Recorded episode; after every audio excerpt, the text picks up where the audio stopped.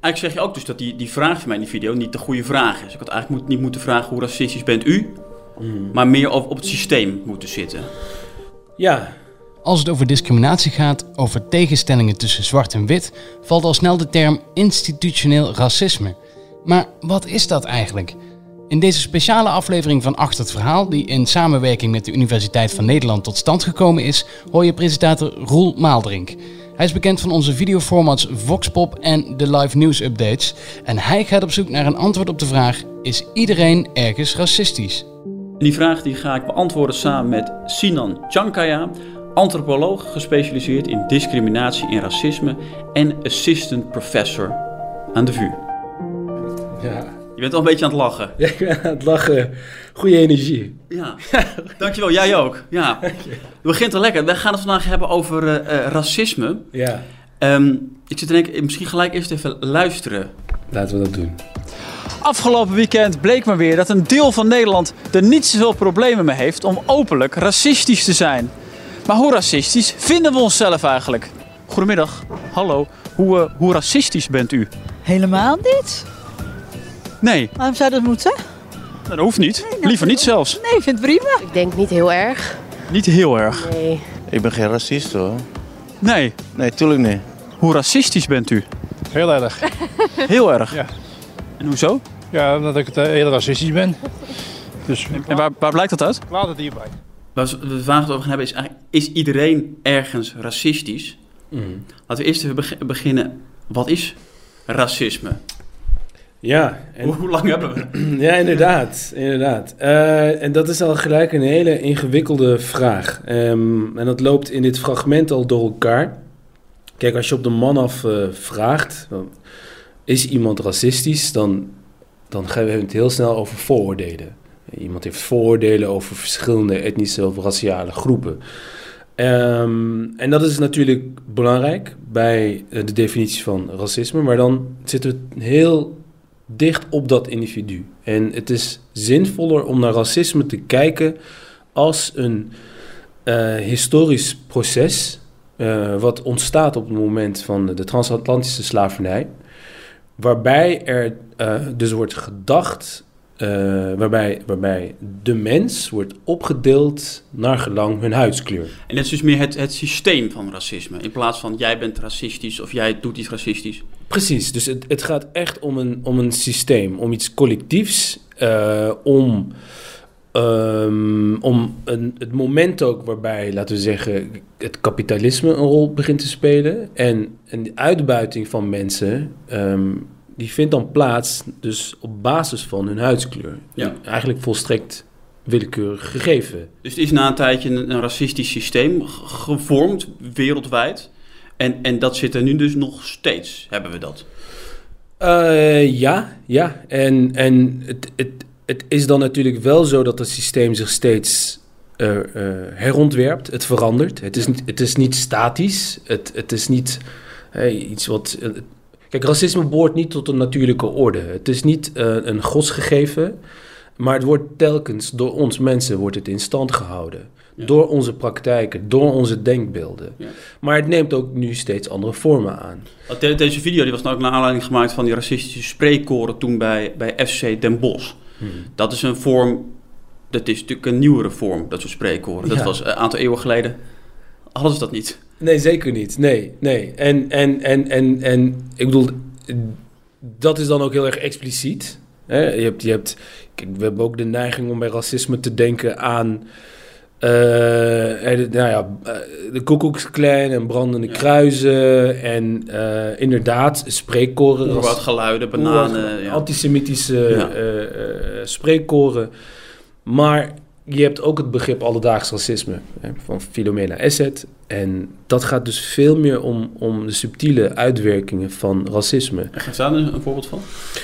Dat gaat dus om, ehm, neem kwaliteit. Ehm, als we het dan hebben over de arbeidsmarkt en een idee als kwaliteit. Je hebt binnen meer liberale opvattingen, dan is het idee dat eh, als je maar hard genoeg werkt, dan kom je er wel en, en we laten kwaliteit prevaleren. Maar dan zien we toch dat het vernuikende van racisme, maar ook zeker seksisme, dat, dat gaat ook altijd natuurlijk gepaard. Hè? Het, het gaat om al die. Het gaat om en, en, en, en, en. Isme, dus klasse, eh, eh, gender, etniciteit, Geaard- religie, geaardheid. geaardheid. Dus het, het, dat, dat hè, intersectionaliteit, ook Ja. zo, dat is een, dat is een, wat woord vangt dat dus allemaal samen. Of, of vat dat allemaal samen. Het feit Eh, dat je hard, het, het, het, het idee dat je als je hard werkt, dan kun je alles bereiken. Ja, oh ja, daar hadden we het over. En het is, maar dan zie je dat, dat, dat kwaliteit, dat, dat dat toch wel weer wordt geassocieerd met specifieke groepen mensen. Of dat het gaat Oude, om oude witte mannen. oude witte mannen. Ehm, en maar het gaat ook om de, de veronderstelling van een, van een eh, tekort bij andere groepen. En dat, is dat, dat zij achterstanden hebben, dat zij niet helemaal mee kunnen. En het zijn dit soort denkbeelden die het individuele ook tegelijkertijd overstijgen, dat opgeteld ertoe leidt dat bijvoorbeeld eh, arbeidsmarktdiscriminatie kan plaatsvinden. Langs wederom allerlei eh, grootheden, hè, van leeftijd, klasse, opleidingsniveau, maar ook zeker etniciteit. Ja. En hoe werkt dat dan? Omdat mensen dan toch denken, eh, als we een wit iemand aannemen, is die, is die competenter of zo? Ja, dus, dus de ideologie, en racisme is een ideologie, zeg ik. Dat gaat gepaard met denkbeelden. En ehm, dat gaat dus in de basis om een hiërarchie. Ja. Het gaat om ehm, de betekenissen die wij geven aan, aan, aan huidskleur. Ehm, de woorden die we hebben bedacht, wit, zwart, bruin, eh, whatever. Die corresponderen natuurlijk niet helemaal met iemands daadwerkelijke huidskleur. En dat wordt dan ook bedoeld met racisme is een sociaal construct. Ja. Het is geen, het is geen ehm, het is niet iets wat aan ons vooraf gaat. We, we houden het in stand, we, we, we, we reproduceren het de hele tijd. En dat ehm, betekent dus dat, dat op het moment dat die hiërarchisering plaatsvindt, hè, ehm, dat wit positiever wordt geassocieerd dan zwart. Dus concreet, ehm, we, zijn nu eh, de arbeidsmarktdiscriminatie aan het bespreken, maar neem etnisch profileren. Dan gaat het gewoon concreet om denkbeelden die agenten hebben met mensen die zij op straat zien lopen. En de betekenissen die zij geven aan jongeren, mensen uit de lage sociaal-economische klasse, eh, mensen die in bepaalde wijken rondlopen, maar ook zeker eh, witte eh, mensen, witte bewoners en zwarte bewoners. En het gaat om de ideeën, denkbeelden die ze hebben dan met iemands, in dit geval, criminele Ja. aangelegenheid. Daar wordt, daar wordt natuurlijk altijd gezegd, ja, maar ja, groep mensen uit lagere sociaal-economische klasse met een donkere huidskleur, die zijn ook oververtegenwoordigd in de criminaliteitscijfers. Dus ik snap het wel dat eh, agenten die eerder eh, de aanhouden, staande houden, whatever. Ja. ja, daar kun je op verschillende manieren op antwoorden. Eh, Hoe zou jij erop antwoorden? Nou ja, het is om te beginnen eh, helemaal niet zo logisch. Ehm Eén argument is eh, effectiviteit en efficiëntie. Dat is voor. eh, dat wordt binnen de politieorganisatie in dit geval ook vaak gebruikt. Deze praktijk is allesbehalve effectief en efficiënt. Ehm, omdat, heel simpel gezegd, agenten die gaan met een heel groot net gaan ze vissen. En ze vangen een heleboel eh, zogeheten vals positieven. Dus mensen die niets kwaads in de zin hebben. En dat is verspilde politiecapaciteit. Het, het is slecht politiewerk. Dus dan er moet gewoon korte metten meegemaakt En worden. Er zijn op de heel lange veel... termijn, kan ik me voorstellen. Nou, daar heb ik het dus nog niet eens over gehad. Nee, dat, is dus dat, is dat effectiviteitsargument. En het andere is inderdaad, het brengt eh, enorm grote schade toe eh, aan eh, de relatie tussen politie en burgers. En het kan zelfs het, de effectiviteit van de politie ondermijnen. Waarom? Omdat als je steeds dezelfde mensen gaat controleren, dan wordt die kloof tussen politie en burgers groter. En dan gaan bepaalde groepen mensen ook minder snel naar de politie met meldingen, aangifte eh, over wat er in wijken gebeurt. Dus het, het uiteindelijk eh, eh, eh, komt het je weer terug in je, in, je, in je billen bijten. Ja, ja. Pennywise, pound foolish, toch? ja, Wordt al gezegd. ja oké. dat wist ik niet, maar...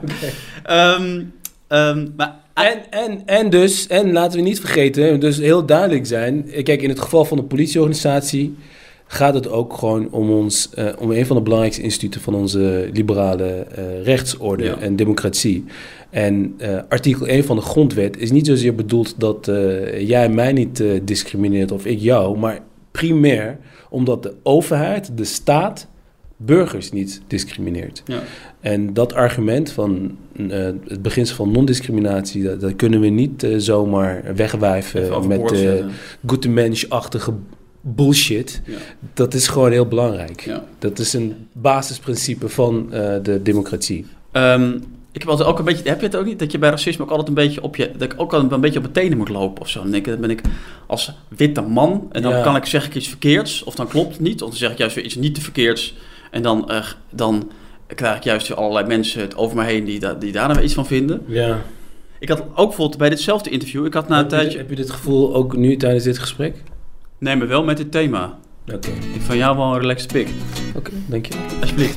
Ehm, maar ik had tijdens het interview op straat, had ik het na een tijdje, ik heb het dan over wit, dat heb ik dan mezelf aangeleerd. En denk ik, Ja. dat is dan beter dan, dan, dan blank, want dat heeft weer een soort connotatie. En er was een, een, een zwarte jongen, die was ik ook aan het interviewen hierover. En eh, die corrigeerde mij na een tijd, nou goed, die corrigeerde mij. Laten we even eh, luisteren, even kijken, ja, dit hier. Ik word altijd gefeerd eh, voor zo'n reden. Dus, eh, En witte vrienden niet. ja. Blank. Blank, sorry. En blanke vrienden niet. Nee. Ik ben zelf weer te correct. Oh, nu ben ik weer te correct.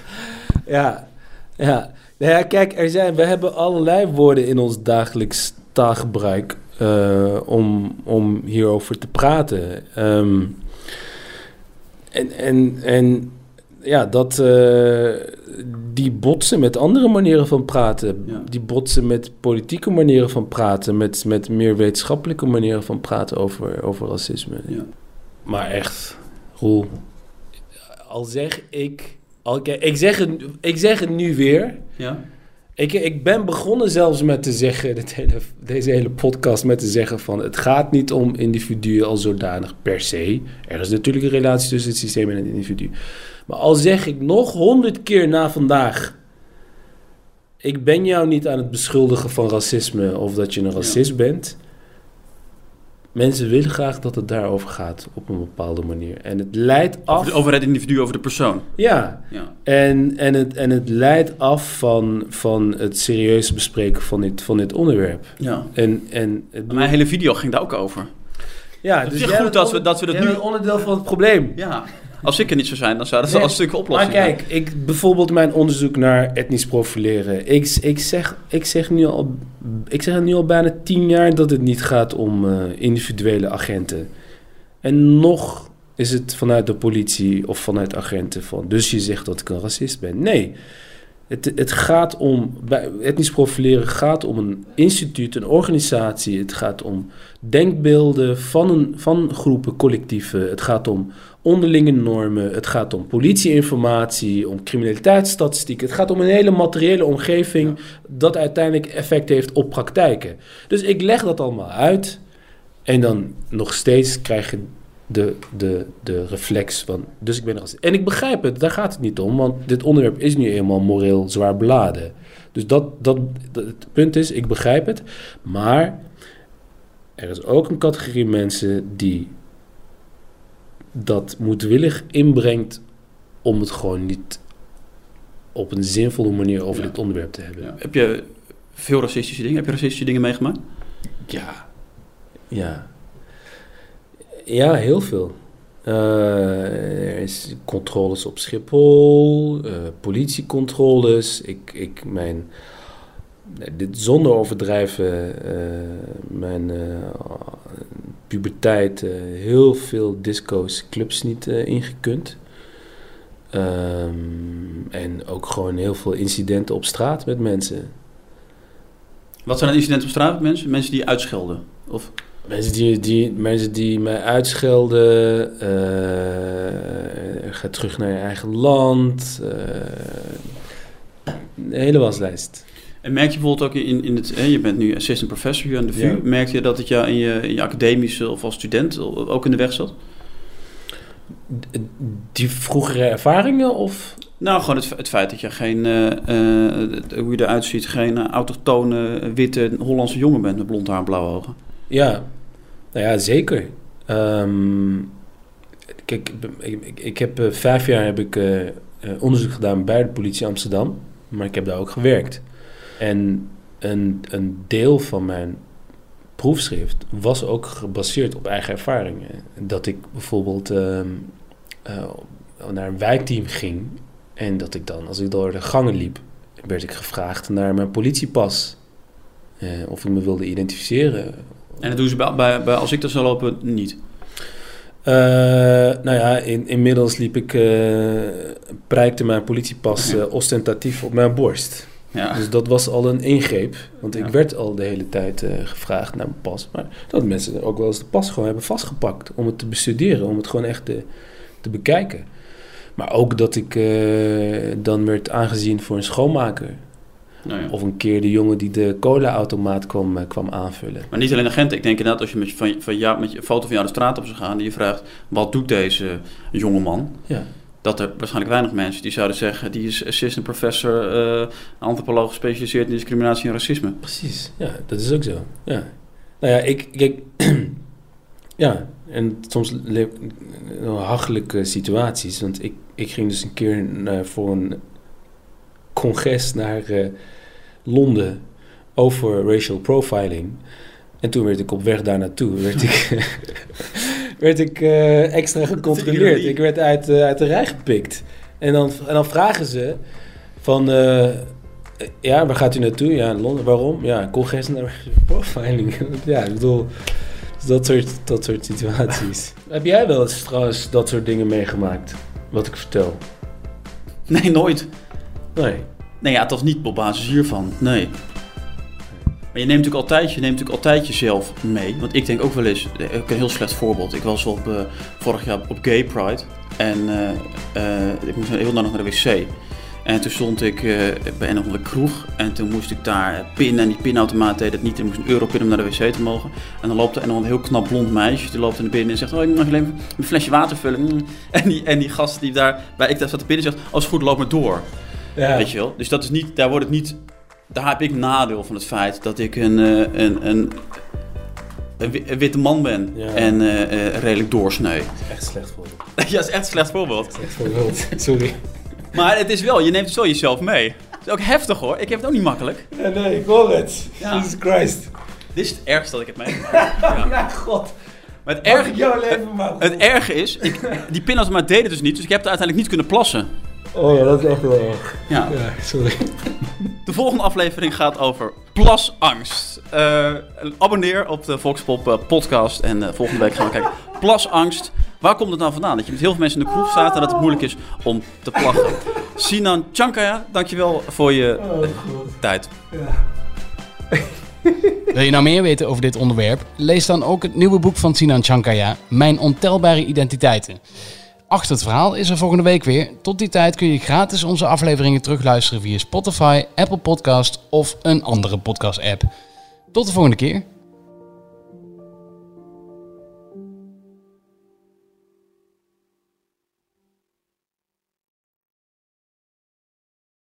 Heb je genoten van deze podcast? Luister dan ook eens naar de podcast Le Cycliste. Daarin ga ik, Jerry Huinder, op bezoek bij Kees Graafland in Zuid-Frankrijk. Hij woont aan de voet van de Mont Aigual in de Cevennes.